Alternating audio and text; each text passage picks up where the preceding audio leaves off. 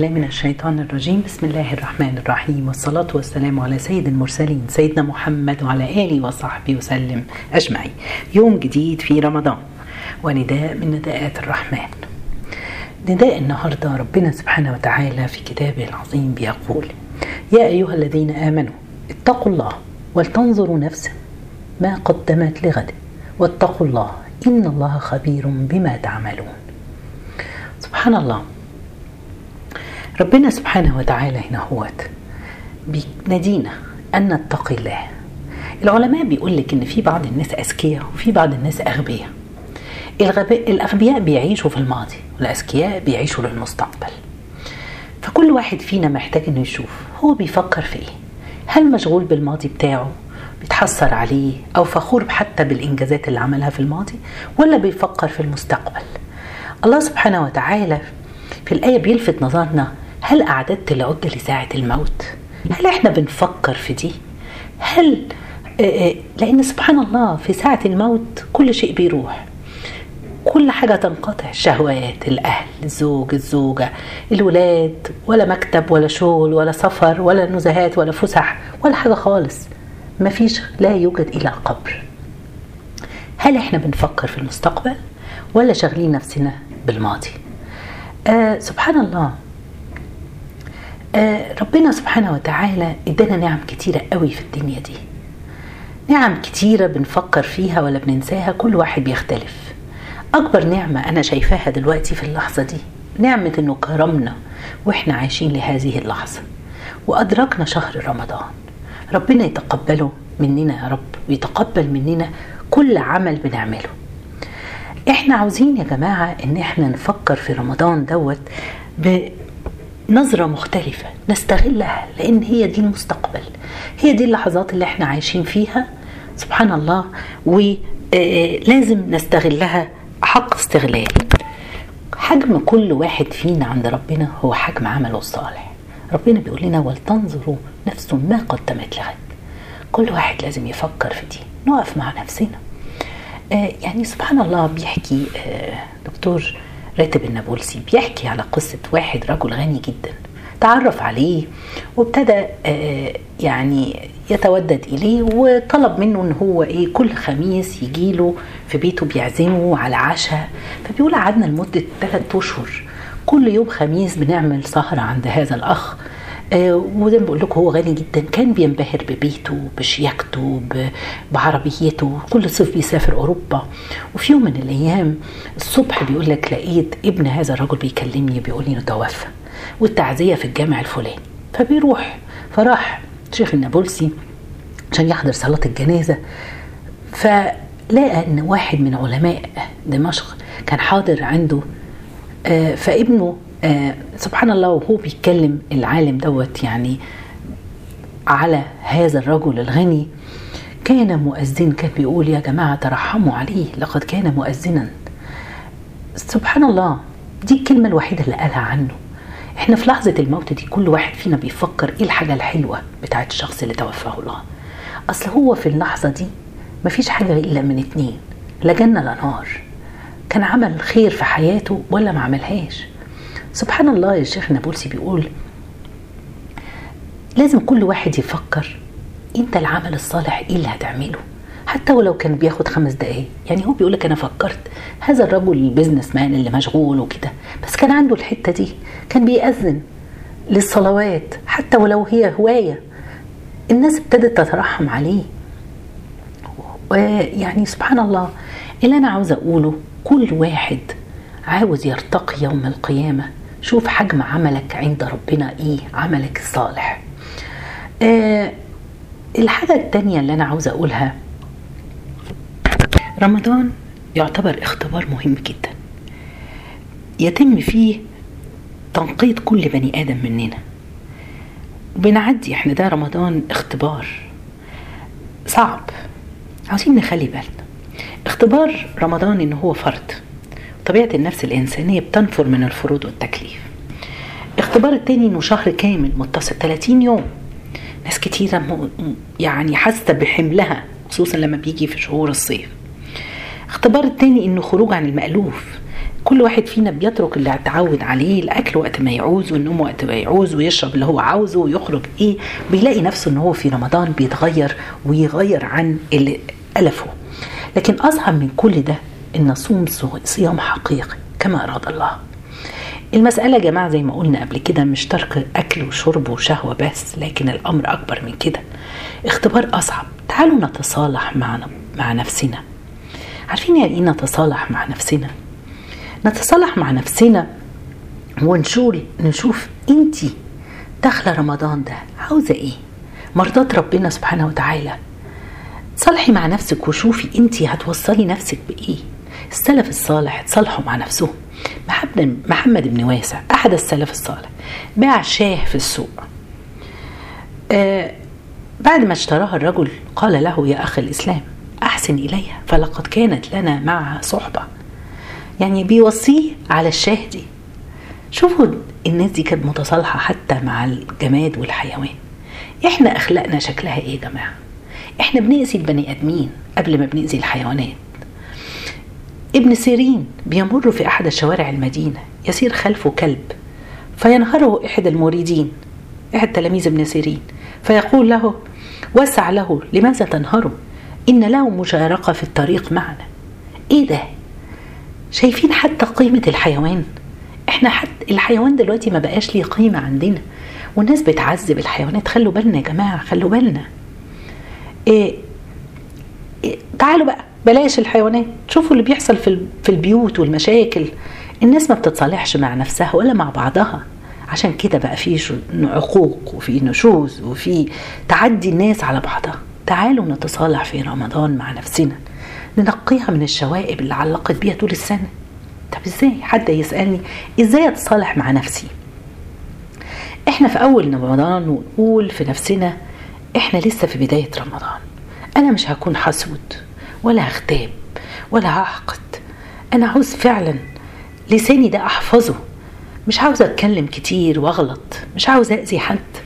لما كان الناس بتشوف حسن البصري كان قليل الكلام. فقالوا له يا بصري نتكلم كثيرا وأنت تتكلم قليلا. قال أنا أعرض الكلمات على عقلي. فإن وجدت إنها سوف توضع لي في ميزان حسناتي قلتها وإن رأيتها ستوضع لي في ميزان سيئاتي فأمسكت. سبحان الله. فلما رأيت جلة كلماتي سوف توضع لي في ميزان سيئاتي فصمت. إحنا يا جماعة مطلعين كلام كلام كلام مرغي لمجرد إن إحنا نرغي. بذمتكم كم واحد فينا بيرفع التليفون لصاحب ولا أخ ولا حتى الأم أو أخت لمجرد بس عاوز يسلي نفسه ويقعد يرغي بالساعة؟ لو مسكنا الرغي بتاع الساعة ده قلنا فيه إيه؟ إيه الملخص بتاعه؟ إيه الفايدة من وراه؟ هنلاقي يمكن مثلا دقيقتين ثلاثة أول ما اتكلمت سألت على أمي ولا سألت على أختي ولا صديقتي وكان نيتي فعلا صلة رحم أو كده والباقي كله كله كله دردشة فاضية؟ والله أعلم. جبت سيرة مين وراحت فين؟ وهتوضع الكلمات دي فين؟ على الميزان. سيدنا الصديق أبو بكر الصديق كان يضع حجر صغير تحت لسانه. لو أراد يتكلم يخرجه أولا ثم يتكلم. وكان يمسك لسانه يقول هذا الذي أوردني الموارد التهلكة. يا جماعة دول الصحابة. طب اسمعوا القصة دي قصة جميلة جدا لسعيد بن عامر. الرجل ده تصالح مع الله.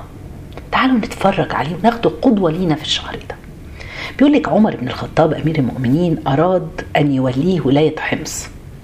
لكن سعيد قال له لا تفتني يا أمير المؤمنين ياه! يعني هو اللي مش عاوز ده إحنا المناصب دلوقتي بنجري وراها وبنسعى. وممكن نأذي خلق الله كلها عشان نوصل للمنصب ده. سبحان الله. لكن هو أصر إنه هو شايف سيدنا عمر إنه هو رجل تقي صالح عادل. فقال له سيدنا عمر بقى عاتبه وقال له والله لا أدعك. أتضعون أماناتكم في عنقي ثم تتركونني؟ يعني أنتوا هتخلوني أنا أتولى. و... و... وانتوا تتركوني لوحدي؟ فاستلم الولاية وعمل بما يرضي الله. احبوا معظم الناس لما كان بيسألهم أمير المؤمنين عمر لكن في بعض الناس قالوا رأي تاني. انتهزوا زي... انتهزوا زيارة عمر ليهم مرة واشتكوا له سعيد. قالوا له إيه؟ هناك أربع حاجات سعيد إحنا مش مبسوطين منها. إيه الأربع حاجات دي؟ أن الوالي اللي هو سعيد لا يخرج للناس حتى يتحالى النهار. يعني ما بيخرجش الصبح بدري لغاية ما النهار يطلع. تاني حاجة لا يجيب أحدا بالليل. بالليل ما حدش ليه دعوة مهما طلبناه ما بيسألش عن حد. تالت حاجة وله يومان في الشهر لا يخرج فيهما للقاء الناس. ورابع حاجة هناك مشكلة لا حيلة له بنا وإنها تضايقنا إنه يغمى عليه بين الحين والآخر. أربع حاجات غريبة قوي استمع عمر بن الخطاب للشكوى. بعد كده هو مش مرتاح سعيد. في إيه؟ أكيد في سبب. تعالوا نقف هنا. يا جماعة إحنا كنا لسه بنقول إن جاءكم فاسق بنبأ إيه؟ فتبينوا. طيب عمر بن الخطاب مش مرتاح. راح راح لسعيد. آآ آآ وقال الشكاوي قدامه. فقال لقد كنت أكره ذلك السبب ولكن لا بد من ذلك. لازم هقول هقول إيه السبب؟ أول واحد فإن ليس لأهلي خادم فإني أعجن عجيني ثم أنتظر أن يخمر ثم أخبزه ثم أتوضأ للضحى فأصلي ثم أخرج له. يا سلام! يعني هو ما بيخرجش بدري عشان بيساعد مراته وبيخبز وبيعمل. ده نداء لكل رجل. سبحان الله في زماننا ده ساعدوا زوجاتكم وخصوصا الجيل الصغير الجديد دوت. زوجات دلوقتي للأسف ظروف الحياة بتخلي الزوجة كمان كلها بيشتغلوا اغلبيتهم ما ينفعش تشتغل الزوجة وتبقى تروح وتيجي وتربي وانت قاعد بتيجي مستني كل حاجة تكون جاهزة. تاني حاجة اللي هم قالوا عليها لا يجيب أحدا بالليل. هو بقى حجته إيه؟ بيقول لك لقد جعلت النهار لهم والليل لربي يا سلام. يا ترى إحنا مخلين الليل لربنا في رمضان؟ أو في حياتنا كلها ولا الليل سهر وقهاوي وفسح وخروج. دول ناس تصالحوا مع الله. تالت حاجة قالوا إيه؟ وله يومان بالشهر لا يخرج فيهما للقاء الناس. ليه يا ترى يا سعيد؟ ليس لي خادم يغسل ثوبي وليس لي ثيابا أبدلها. فإني أغسل ثوبي وأنتظر حتى تجفف ثم أخرج آخر النهار. سبحان الله. رابع حاجة مشكلة لا إنه إيه؟ بيغمى عليه بين الحين والآخر. طب إيه؟ بيغمى عليك ليه؟ فبيقول لم يكن يريد أن يبيح بالسر ده ولكنه مضطر. فبيحكي بيقول شاهدت مسرح خبيب بن عدي الأنصاري بمكة وقد قطعت قريش لحمه ثم حملوه على خشب فصلبوه ثم قالوا له أتحب أن محمد مكانك وأنك سالم في ولدك وأهلك؟ فصاح وقال والله ما أحب أن محمد يشاك في قدمي. وقال ما ذكرت ذلك اليوم الذي كنت فيه كافرا ولم أنصر خبيب إلا ظننت أن الله عز وجل لن يغفر لي هذا الذنب أبدا. فيغمى علي وتصبني تلك الغشية. ياه من إحساسه بالذنب يغمى عليه سبحان الله.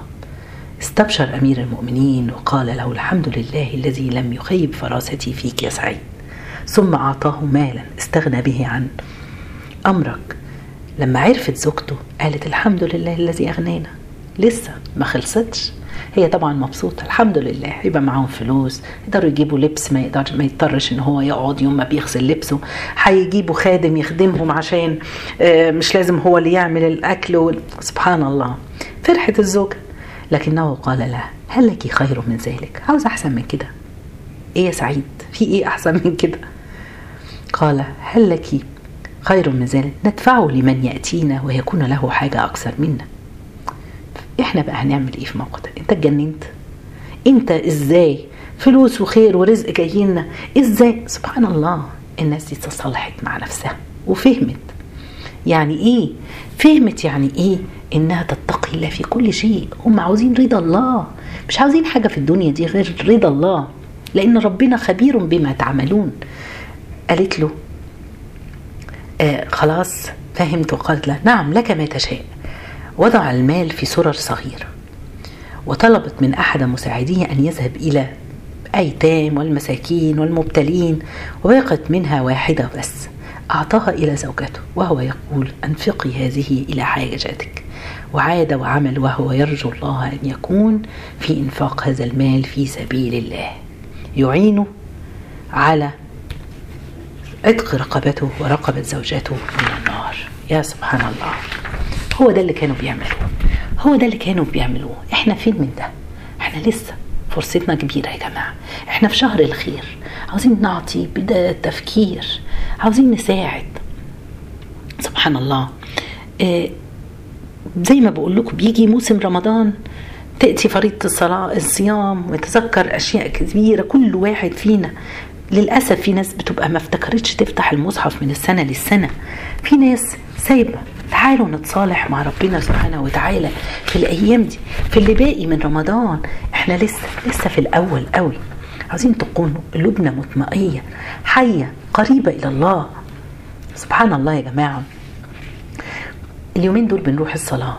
تعالوا نروح التراويح في المسجد. مش لازم نصليها في البيت. لو ظروفك طبعا أو ظروفك تسمح. روح صليها في بيت الله. آه سبحان الله قلوب الواحد بتشحن في المساجد. بعد ما نخرج من المسجد نلاقي تخرج كده إيه إيه للدنيا وما فيها. بيحكى إن أحد الصالحين بنى مسجد. فنسب فنسب فنسب إلى الوكيل الذي أشرف على بنائه بعد ما بنى المسجد ده سماه باسم المهندس اللي بناه. سبحان الله. فراح ناس راحت له وقالت له ليه عملت كده؟ فقال له بيقولوا له لماذا تسكت ولا تنسب المسجد إليك؟ فقال لأن الذي بنيت لأجله المسجد يعلم تفرق معاه تعرفش ما تفرقش معاه حاجة. سبحان الله. اوعي تكون بتعملي الخير وعاوز أو بتعمل الخير وعاوز تشهر والناس عشان تعرف بس وتقول عليك إن أنت سبحان الله إن أنت عملت ولا أنت. تعالوا يا جماعة. نستحضر كده وإحنا بنطو... بنعمل وضوء بيقول لك إيه؟ آه ما لنا في الوضوء يا رسول الله؟ بيسألوا الصحابة الرسول عليه الصلاة قال ما من عبد إلا وغسل يديه. تتساقط الذنوب من يديه. تمضمض. تتساقط الذنوب من فمه. استنشق. نفس القصة قال العلماء فإذا بقيت العبد بقيت العبد الذنوب بعد الوضوء أخذتها الملائكة وضعتها على رأسه. تعبير مجازي طبعا. فإذا وقف ليقرأ ثم ركع تناصرت الذنوب. فإذا رفع تناصرت الذنوب وهكذا إلى أن يسلم. خرج من ذنوب كيوم ولدته أمه. يا عمرنا استحضرنا وإحنا بنتوضى ده. تعالوا نعملها من دلوقتي. وإنت بتتوضى وانت بتتوضي. استشعري إن ذنوبك إيديكي. أي ذنب أخدتي حاجة غلط أذيتي حد بإيدك بتقع الذنوب. وانت بتتمضمضي. الذنوب بتقع. أي كلمة أي حاجة قلتيها أذيتي بيها حد هو ده اللي إحنا عاوزين نعمله. عاوزين نتصالح مع نفسنا في الشهر دوت. يا عاوزين نتقي الله ولتنظر نفس ما قدمت لغد. تعالوا نشوف. إحنا عاوزين نقدم الخير كله يا رب. تعالوا نشوف علي السجاد. مين علي السجاد؟ علي زين العابدين بن الحسين بن علي بن أبي طالب. تبدأ قصته آه من بنت ملك الفرس كانت من السبايا اللي أسرت عند المسلمين في حرب ضد الفرس. أسلمت وسميت نفسها غزالة وتزوجت الحسين بن علي. الحسين ابن علي بن أبي طالب اللي هو حفيد الرسول عليه الصلاة والسلام. وأنجبت له علي طفل جميل. توفيت الأم وابنها ما زال رضيع صغير فأشرف أبوه على تربيته. سبحان الله حفيد رسول الله. آه فبعثوا إلى المسجد. جده مسجد الرسول وكان عمره سبع سنوات عشان يتعلم من صحابته القرآن والسنة. شب عليه على حب الصلاة كان بيحب الصلاة قوي. وكان إذا توضأ ارتجف جسمه كان بيرتعش لما يتوضأ. فسئل عن ذلك فقال لأنني سأناجي بعد قليل ربا عظيما. خلق السماوات والأرض أليس حريا بي أن أتهيأ لمخاطبته يا فين استشعار هذه المشاعر؟ والله هي المشاعر دي اللي هتخلينا تعالوا نعيش مع ربنا نعيش مع ربنا وننسى الدنيا الدنيا واخدانا 11 شهر في غم وهم ومشاكل سبحان الله. تعالوا نخرج من كل أحاسيسنا وكل مشاكلنا نرميها لعل الشهر ده يكون هو شهر الصلاح شهر الخير شهر التقديم لآخرتنا هو ده اللي هينفعنا سبحان الله. آه كان علي بيطيل في صلاته وسجوده لأنه كان يجد راحة في السجود. تعالوا نحس بالسجود كده يا جماعة وإحنا بنسجد حس إن السجود ادعي ربنا إنه ما يحرمناش نعمة السجود لوجهه. ندعي ربنا إنه يقبضنا ساجدين عشان نبعث ساجدين تحت عرشه. يا حسن الخاتمة وحسن اللقاء. يشعر إنه ساجد بين يدي الرحمن. كان طول السجود يترك علامة في جبينه. حتى عرف بين الناس بعلي السجاد. بنسمع دايما إن علي زين العابدين كان يطلع عليه السجاد لأن هو كان بيطيل في سجوده فكانت عاملة له علامة. كما لقب بزين العابدين لكثرة حبه للعبادة وتقربه من الله بالطاعة. سبحان الله ده مثل مثل عظيم. آه سبحان الله أحمد بن حنبل كان بيقوم كل ليلة في رمضان ب 300 ركعة. ياه 300 ركعة. إحنا لو قمنا التراويح وصلينا 8 والشفع والوتر بعدها يعني 11 ركعة يا سلام عملنا حاجة. ولو قمنا تهجد حط عليهم كمان سبحان الله 10 ركعات تانيين ولا 8 ركعات بنبقى عظمة. سبحان الله كان بيصلي 300 ركعة. إيه ده؟ الناس دي شيء عظيم. آه سبحان الله. إحنا عاوزين يا جماعة نحس برمضان ونحس إن إحنا هو دي فرصتنا. شهر القرآن مش عاوزين نعدي قرآن. الإمام الشافعي في رمضان يختم ستين مرة في اليوم ختمتين ويغلق الكتب. إمام مالك لا يفتي ولا يدرس في رمضان ويقول هذا شهر القرآن. مرة احتضر أحد السلف فجلس أبناؤه يبكون فقال لهم لا تبكوا فوالله لقد كنت أختم في رمضان في هذا المسجد عند كل سارية عشر مرات عند كل عمود عشر مرات. لا إله إلا الله. وكانت في المسجد أربع ساريات يعني كان بيختم أربعين مرة في رمضان. ربنا يكرمنا ويقدرنا. يقدرنا إن إحنا نعمل زي الناس دي. الناس المتصالحة مع نفسها ما بيسيئوش لحد. تعالوا نخلي بالنا. أبو ذر الغفاري واحد من التابعين وجدوا خارج في المسجد بعد صلاة العصر يقسم عليه أن يأتي يأكل عنده. واحد عزمه تعالى والله يا صاحب رسول الله اتفضل عندي. عنده عنب. فدخله راح معاه دخله وأكل قدم له العنب. تاني يوم بعد الصلاة برضه عزمه تاني إنه يروح ويأكل عنب ويروح أبو ذر يلبي الدعوة. تالت يوم أبو ذر طلب منه أن يمد يده ويبدأ هو بالأكل العنب. يعني الراجل ده كل يوم بيديله عنب وهو قاعد ما بياكلش هو بس مبسوط من أنسه مع صاحب رسول الله. فتالت يوم أبو ذر قال له ابتدي أنت كل. فأول ما أكل الراجل لقى العنب مر. إنه ما استواش لسه. فقال له الرجل أهو كذلك من أول يوم. فقال أبو ذر نعم. فقال له لما لم تخبرني؟ قال وجدت. وجدتك سعيدا بأنك أدخلت علي الفرح. عندك وآكل فلم أرد أن أدخل عليك الحزن. ياه. إيه ده مين فينا بيراعي مشاعر الناس كده؟ مين فينا بيفكر في غيره كده؟ دي يا جماعة تقوى الله. ده الإنسان اللي متصالح مع الله اللي شايف ربنا في كل شيء. هو عاوز يفرح اللي حواليه. سبحان الله. عاوزين فعلا إن إحنا نخلي بالنا. عاوزين نتقي الله. عاوزين نكون من هؤلاء. يا أيها الذين آمنوا اتقوا الله ولتنظر نفس ما قدمت لغد. واتقوا الله إن الله خبير بما تعملون. تعالوا نعمل الخير. تعالوا نشكر ونحمد الله على فرصة حياتنا في هذا الشهر الكريم. ربنا يتقبل منا. جزاكم الله خير. سبحانك اللهم بحمدك أشهد أن لا إله إلا أنت أستغفرك وأتوب إليك.